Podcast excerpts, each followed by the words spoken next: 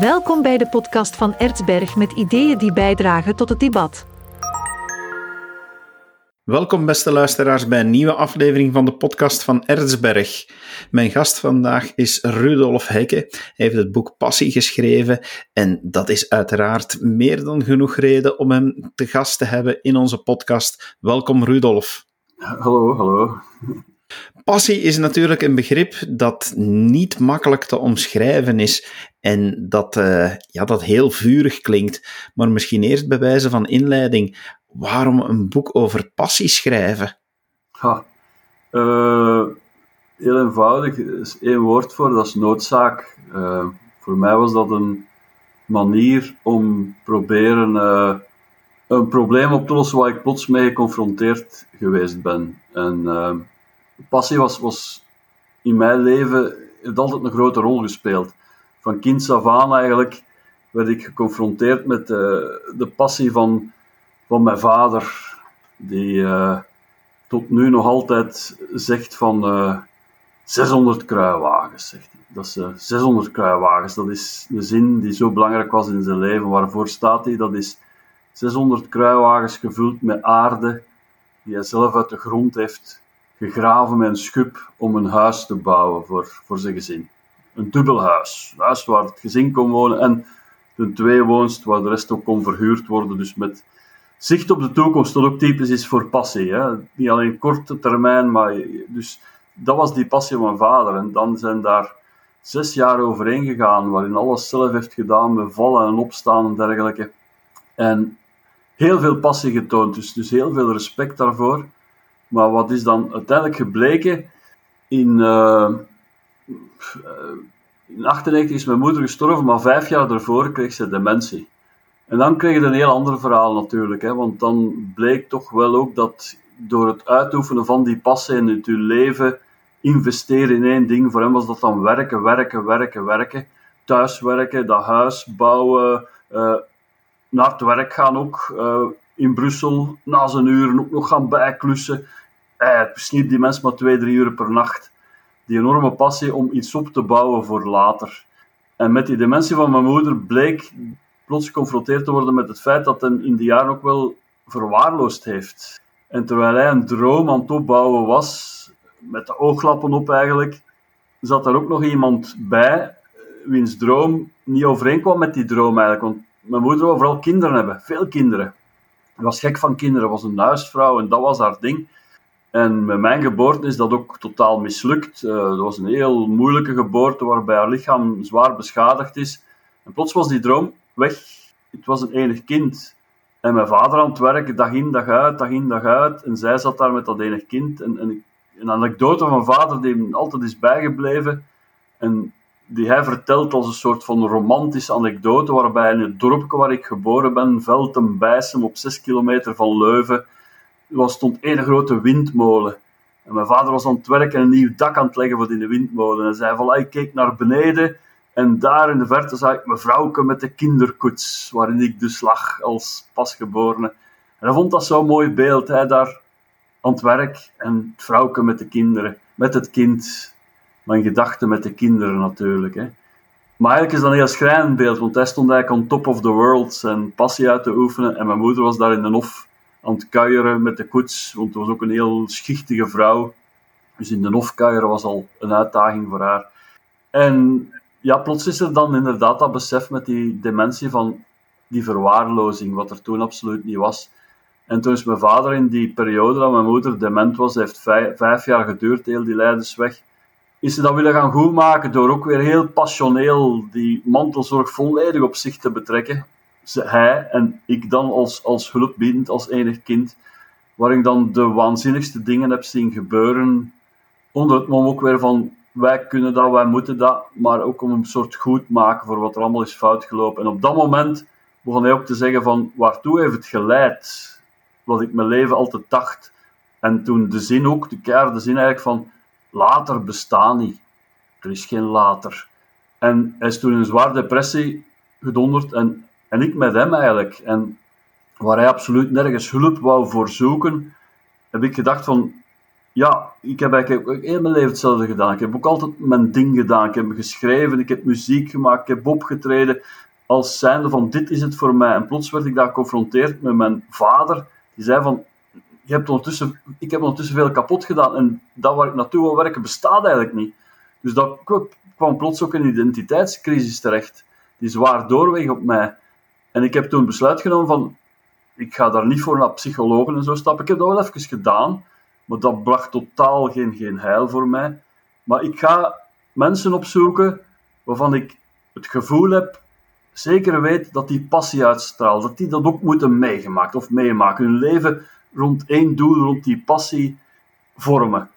En dan liefst zo uiteenlopend mogelijk. Niet mensen om, een onmiddellijke kring, collega, muzikanten of zo, dat was te gemakkelijk geweest. Maar mensen van ik zei van oké, op heel andere gebieden, om, om daar te gaan leren, om te voelen van hoe, hoe, hoe gaat jij daarmee om? En jij bereikt heel wat dingen daarmee, heb je ook die weerslag en zo. En dat is eigenlijk de reden waarom ik dat boek begin te schrijven, als een soort therapie eigenlijk, dus eigenlijk uit noodzaak. Ja, uh, uh. En wat heb je er dan uit opgestoken? Is, is dat een kenmerk van die passie? Want passie gaan we altijd natuurlijk in de eerste plaats positief gaan bekijken, maar dat andere gezicht van passie dat je nu net hebt beschreven, heb je dat ook bij anderen teruggevonden? Ja, dat is een heel, heel belangrijk aspect van passie. Uh, je hebt zowel dat, dat verschroeiende positieve als, als, het, als, het, als het verschroeiende negatieve eigenlijk. En daar heb je natuurlijk heel veel gradaties in. Maar ik denk van de mensen die ik geïnterviewd heb, was er niemand die ooit is geconfronteerd geweest is met dat, met dat negatieve. En dat uit zich in, heel concrete dingen, als, als, als een typische zin die regelmatig terugkwam, is, uh, en dat ik ook vaak al gehoord heb in mijn leven door de mensen rondom mij, ja, je denkt dat een evenaar door een gat loopt. En ja, inderdaad. Als je dan bezig zit, dan, dan denk je dat waarschijnlijk wel. En misschien is dat ook niet slecht om dat te denken, want zo zit een evenaar heel dichtbij en kun je daar lekker met de keer gaan. Maar langs de andere kant, uh, ja, verwaarloos je dan mensen en vriendschappen rondom u. En dan is het zoeken van wat, wat is die balans daartussen? Bestaat er een balans tussen? En dan komen, dat is het mooie ook met die interviewreeks die ik gedaan heb, met die gesprekreeks, want ik noem dat ik geen interviews, want ik ben ook geen interviewer. Ik praat ook met mensen. En uh, hoe dat die daarmee omgingen. Je hebt bijvoorbeeld Michel Verschuur, die daar heel cru afspraken in gemaakt heeft met zijn vrouw. Hij zei, voilà, voilà, ik ga nooit meer op vakantie gaan en ik ben altijd bezig en we vinden daar een compromis in. Tot andere mensen die op een gegeven moment hun gezicht, Johan Heldenberg, hun gezicht tegen de muur zijn gelopen en een relatie is op stuk gelopen. En dan dat beseft, net zoals mijn vader gekomen is van, oei, misschien heb ik een beetje te veel met mijn eigen ding bezig geweest. Maar dat eigen ding, ja, wat is dat dan ook? Is dat dan egoïsme? Is dat egocentrisme? Uh, je krijgt een hele gradatie van antwoorden. Dat alleen al is, is vond ik voor mij persoonlijk, en ik, ik denk dat dat ook voor de lezer dan zo is, vond ik zeer heilzaam in dit boek. Het is niet zwart-wit, er wordt geen religie verkondigd, helemaal niet. Maar je wordt geconfronteerd met mensen in het veld die met hun passie ook iets bereiken. Dat vind ik ook belangrijk, want je hebt heel veel mensen die een passie hebben, maar die dan mee tegen de muur lopen, of, of, of, of er niet all the way voor gaan, of er misschien niks meer bereiken, moeten afhaken, maar wel mensen die, die dus doorbijten. En die ook door, door dat moeilijk moment van, van, van die verwijten en van, van het besef te komen van misschien verwaarloos ik dingen daarmee. En ja, dat, gaat, dat is een hele lijn. Dat is voor mensen die heel extreem erop reageren, tot mensen die daar een, een, een, een vorm hebben in gevonden om, om mee te leven. Het boek Passie is te koop op onze website www.erzberg.be. Dit boek mag echt niet ontbreken in uw boekenkast. Lees het met veel passie.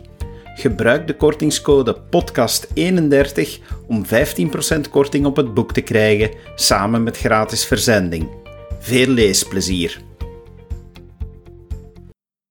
Je zei daarnet dat je zeker niet wilde mensen spreken uit je onmiddellijke omgeving. Mhm. Eh, en het is inderdaad een heel divers, uh, bond gezelschap geworden die we in je boek kunnen terugvinden. Hoe heb je dan eigenlijk een selectie gemaakt? Hoe, hoe heb je beginnen kiezen van die ga ik spreken en die zou ik willen spreken en die zou ik willen spreken?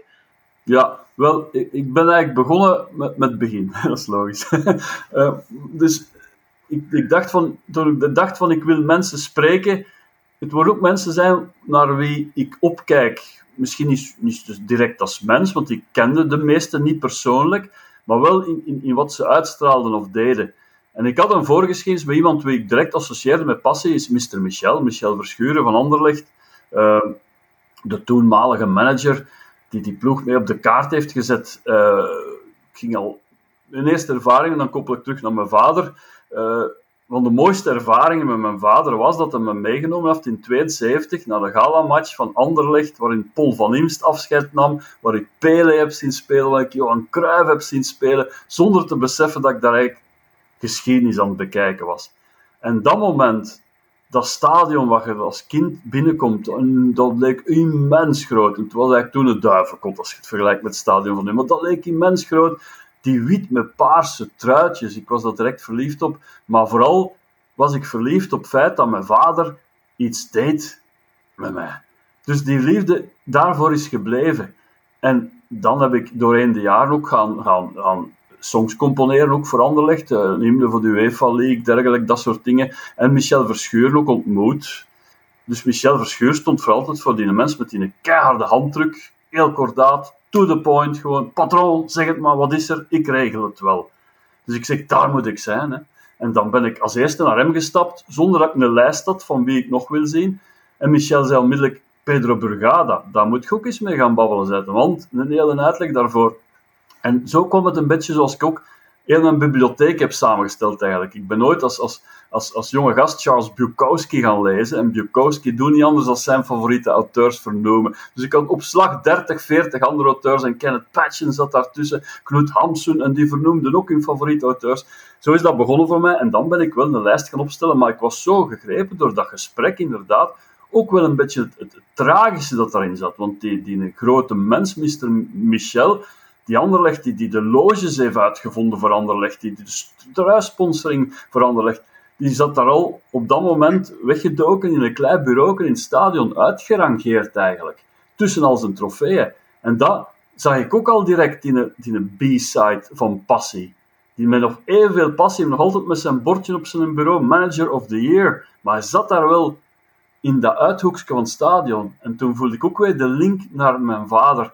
En ja, ik wist gewoon, ik ga heel veel leren, ik ga heel veel opsteken. En, en dat is effectief ook gebeurd. En vandaar ben ik ook gaan mensen zeggen, die zou ik heel graag spreken. Johan Heldenberg kende ik niet, maar ik zag die plots zijn kop op tv passeren. En daar ging zo'n stormwind vanuit. Ik zei van, ik moet die mens spreken. En, en ja, en, en, en, en dat is altijd goed gekomen. Uh, Sam Dillemans, die, daar had ik dan een verleden mee, een kortstondig verleden in, in de jaren tachtig, toen wij een soort van van gemeenschap leefde en hij daar ook wel passeerde als prille schilder en ik als prille schrijver, uh, muzikant.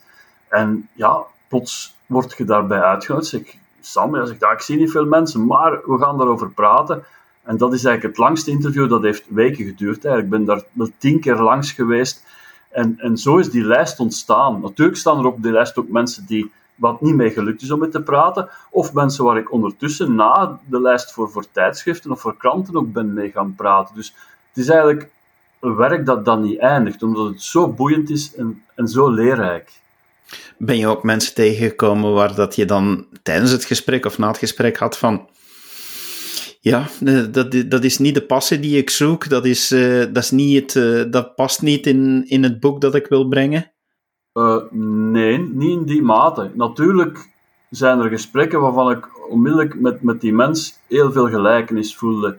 En een soort van, van warmte, waardoor die gesprekken ook... En, en, gesprekken waar, waar, dat, die op korter duurden en waarvan ik voelde van, van... Dat is inderdaad een ander soort passie, vooral de gecontroleerde passie. Uh, bijvoorbeeld uh, bij, bij, bij Frank de Winne bijvoorbeeld, wat heel voelt heel gevoeld dat controle en, en, het kaderen zeer, zeer, zeer belangrijk is. En terwijl ik dan meer de affiniteit voelde met de mensen die, die, die, die op de rand scheren van het verbranden bij uw passie. Wat, die er ook tussen zaten. Sam Dillemans, die, die dat moest constant op afstand houden. Uh, Paul Michiels en dergelijke, die heel goed wisten van af en toe is die rand heel dichtbij. En op dat moment voelde wel van, hey, dat is wel wat, mijn passie ook zoals ik ze voel. Maar het is nooit gebeurd dat, dat ik ontgoocheld was in zo'n gesprek. Ik denk dat, dat mijn buikgevoel, en dat is, dat iets waar, waar, waar, ik zelf heel trots op ben. Ik, heb nooit academische studies of wat dan ook gedaan. Ik, ik, ik, Ik heb nu nog altijd een argwaan als ik alleen maar een handleiding van een toestel in mijn opname stuur, dan lees ik niet. Ik zeg, ik zal het zelf wel vinden. En misschien vind ik dan niet alles, maar ik ga iets vinden wat misschien ook niet in een boek staat, als ik het op mijn manier doe. Dus, dus maar mijn buikgevoel vind ik super belangrijk. En, en, dat, is, dat heeft niks te maken met. geen valse bescheidenheid. Ik, ik, voel gewoon, dat is bij mij goed ontwikkeld. Ik voel direct zo, mm, ik, ik, kocht ook nooit platen. Ik heb massa's platen en boeken. Ik las ook nooit een, een, een, een uh, korte samenvatting. Dat vind ik afschuwelijk. Dat wil ik niet weten. Ik pakte echt letterlijk, in, toen ik mijn eerste platen kocht, ging ik naar de kelder van de LP in de Tienste Straat in Leuven. Ik haalde die uit die doos en ik rook daaraan. Echt, hoe ruikt die plaat? En dan keek ik naar die hoes en, en zelden heeft me dat ontgoocheld. En dat is ook, met die mensen. En, en dat in, in die interviewreeks is er geen ene tussen geweest waar ik zeg, oh jakkes, wat was dat? Dat heb ik helemaal verkeerd gezien. Misschien heb ik die wel op voorhand ook geselecteerd. Want er waren een aantal van ik dacht van, daar zou ik wel willen mee gaan spreken, maar ik vrees dat dat niet goed komt. En dan heb ik dat ook niet gedaan. Denk je dat, mensen, dat er mensen zijn die totaal zonder passie in hun leven verder kunnen? Ja, dat was een van de grote vragen, hè, waar ik ook met me worstel, omdat ik niet anders gekend heb als die passie. En ik ook heel, om van op dat buikgevoel terug te komen, mensen, en dat klinkt dan een beetje oneerbiedig, maar voor mij ben als selecteren op basis van, ga ik daar van kunnen leren? Ga ik, me daar, ga ik daar naar kunnen opkijken? Ga ik kunnen zeggen, wauw, die bieden voedsel? Of mensen die, wat ik voel, die gaan van mij eten. Parasitairen eigenlijk. En dat is zo'n grove selectie die ik automatisch aanvoel bij mensen. En ik wou dat ook weten van, is dat nu iets, iets, iets belachelijk wat ik aan het doen ben? Of, of iets dictatoriaals of zo? Of moet ik daar dringend vanaf? Maar dat blijkt ook wel, vandaar hiërarchie heel belangrijk is in passie. En je hebt sommige van die mensen die ik gesproken heb, die daar ook heel nauw uh, op toekijken. Hè. Die zeggen van, kijk, je hebt een hiërarchie in de dingen. En dat is zo, hoe het ook draait of keert, heeft niks met, met subjectiviteit te maken. En anderen zeggen van, nee, geen hiërarchie, alles evenveel kansen. Uh, maar voor mij was dat iets belangrijk, omdat ik wel wou weten, ook mensen die dan niet die passie uitstralen, die eerder zo zeggen van, oh nee, blijf maar van mij weg, want, want je gaat van mijn passie meten. Uh, maar ik heb het ook wel geleerd in gesprekken. Sam Dillemans zei ook van, ja, met een overbuur, hij blijkt ondertussen overleden te zijn, omdat hij te veel goedkope uh, Cinzano van de Aldi heeft gedronken. Hè, maar uh, hij zei van, ik ga daar graag eens mee babbelen, en dat gaat dan over duiven, hè, duivenmelken en dergelijke. Maar dat is voor mij ook heel belangrijk. En dat heb ik er ook wel uit geleerd. Zo van mensen die, die misschien niet die passie hebben in het leven en misschien eerder stepping stone na stepping stone stappen, voorgekoude dingen, dat die ook wel dingen te bieden hebben. En dan vooral als die, iets wat ik dan vaak ontbeer, en sommige van die mensen die ik gesproken heb, die rust, die peace of mind, wat ik verdomme zo graag zou hebben, maar wat niet lukt gewoon, langs geen kanten. En tot stralen die mensen dat wel uit. En als die peace of mind dan zoiets is wat vanuit zo zei, als zij van het verschrikkelijke genieten, je moet genieten, oh ik doe niks heel de dag, hè, ik ga op vakantie heel jaar, ja dan vind ik dat afschuwelijk, dan voel ik denk, oh weg, weg, weg, weg. Maar als dat peace of mind terwijl ik is van, kijk, dat is het leven, ik leef vandaag en, en morgen leef ik weer en, en ik voel me gewoon goed, dan ben ik daar enorm jaloers op. En dan is dat vaak niet gekoppeld aan een doel, aan een passie, maar wel aan dat leven op zich. En, en dat vind ik heel boeiend. Dat heb ik geleerd met, met mensen te praten in mijn boek. Wat is de meest passionele reactie die je hebt gekregen van lezers van je boek? Goh, ja, dat, dat, dat, is, dat is moeilijk te zeggen. Ik heb uh, verschillende reacties gehad van mensen toen, toen ze het boek gelezen hebben die mij citaten voorschotelden uit, uit het boek, zeggen van, van verdomme, dat is mij overkomen. Of dat is ook onder andere, dat is net mijn pa of, of mijn grootvader. Ik heb, ik heb nog niet veel gedaan, lezingen, want ze beginnen in het najaar, maar een aantal lezingen die ik gedaan heb, waar mensen heel emotioneel reageren, in die zin ook van, ik herken dat. En dat vind ik, vind ik heel, heel belangrijk, zo van, in al die dingen waar ik mee worstelde om het boek te schrijven, en de vragen die ik ook al die mensen voorlegde, daar zijn heel veel dingen in die uh, doodnormaal zijn. Waarvan ik soms dacht van, maar wat zit ik hier opgescheept? Hoe, hoe kan ik daarvan af? En die blijken in, in heel veel vormen bij, bij veel mensen voor te komen. En, en, en, en die confronteren me daarmee. En die erkenning, dat vind ik, dat vind ik heel, heel ontroerend. Dat mensen kunnen zeggen, die zin, jongen, dat is, dat, is, dat is mijn vader. Of wat je nu zegt, eh, ja, dat, is, dat, dat zijn misschien geen concrete dingen, maar dat is, dat is wel die herkenning. Dat vind ik, dat vind ik uh, zeer belangrijk. De lezingen waar je net over sprak, die je dit najaar gaat geven, gaan die ook over passie? Ja, dat is uh, eigenlijk kun je dat vergelijken met wat wij nu aan het doen zijn. Ik wil een soort gesprek ontketen met de mensen. De lezingen die ik tot nu toe deed en nog altijd doe over mijn andere boeken, uh, dat is meer, ik vertel een verhaal, voilà, en die mensen worden daardoor opgeslorpt. En achteraf komen er vragen natuurlijk. Maar hier wil ik vooral vertellen van, zoals ik nu ook gedaan heb, van, van waarom heb ik dat boek geschreven en, en wat heb ik dan meegemaakt tijdens die gesprekken? Maar laten ons nu dat gesprek ook eens onder elkaar voeren.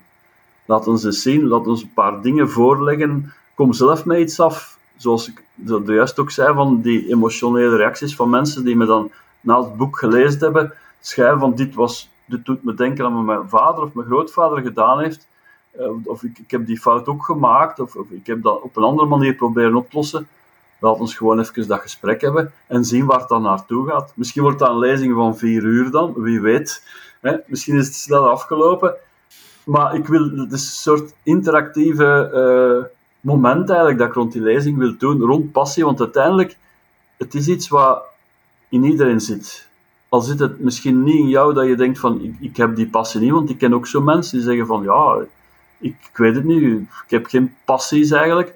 Maar dan word je er toch op een of andere manier mee geconfronteerd. Het zijn van mensen rondom u, het zijn omstandigheden die u ergens daarin dwingen. Dus, dus iedereen herkent er wel iets van, is me opgevallen. wat heel mooi is. En dat wil ik in een soort van interactieve lezing ook, ook, ook uitproberen. Kunnen we daarover praten? Ik denk dat dat heel boeiend gaat worden, dat er heel veel mensen gaan kunnen genieten van die lezingen. Ik denk dat er ook nog heel veel mensen zijn die van je boek kunnen genieten, om inderdaad, zoals je zelf zegt, met die passie in aanraking te komen, om die te herkennen bij anderen en misschien dan ook beter te herkennen bij zichzelf. Rudolf, dankjewel dat je met zoveel passie aanwezig was in onze podcast. Heel graag gedaan, dankjewel David. En u, beste luisteraar, geniet met passie van het boek en heel graag tot een volgende aflevering. Dag. Het boek Passie is te koop op onze website www.erzberg.be. Dit boek mag echt niet ontbreken in uw boekenkast. Lees het met veel passie.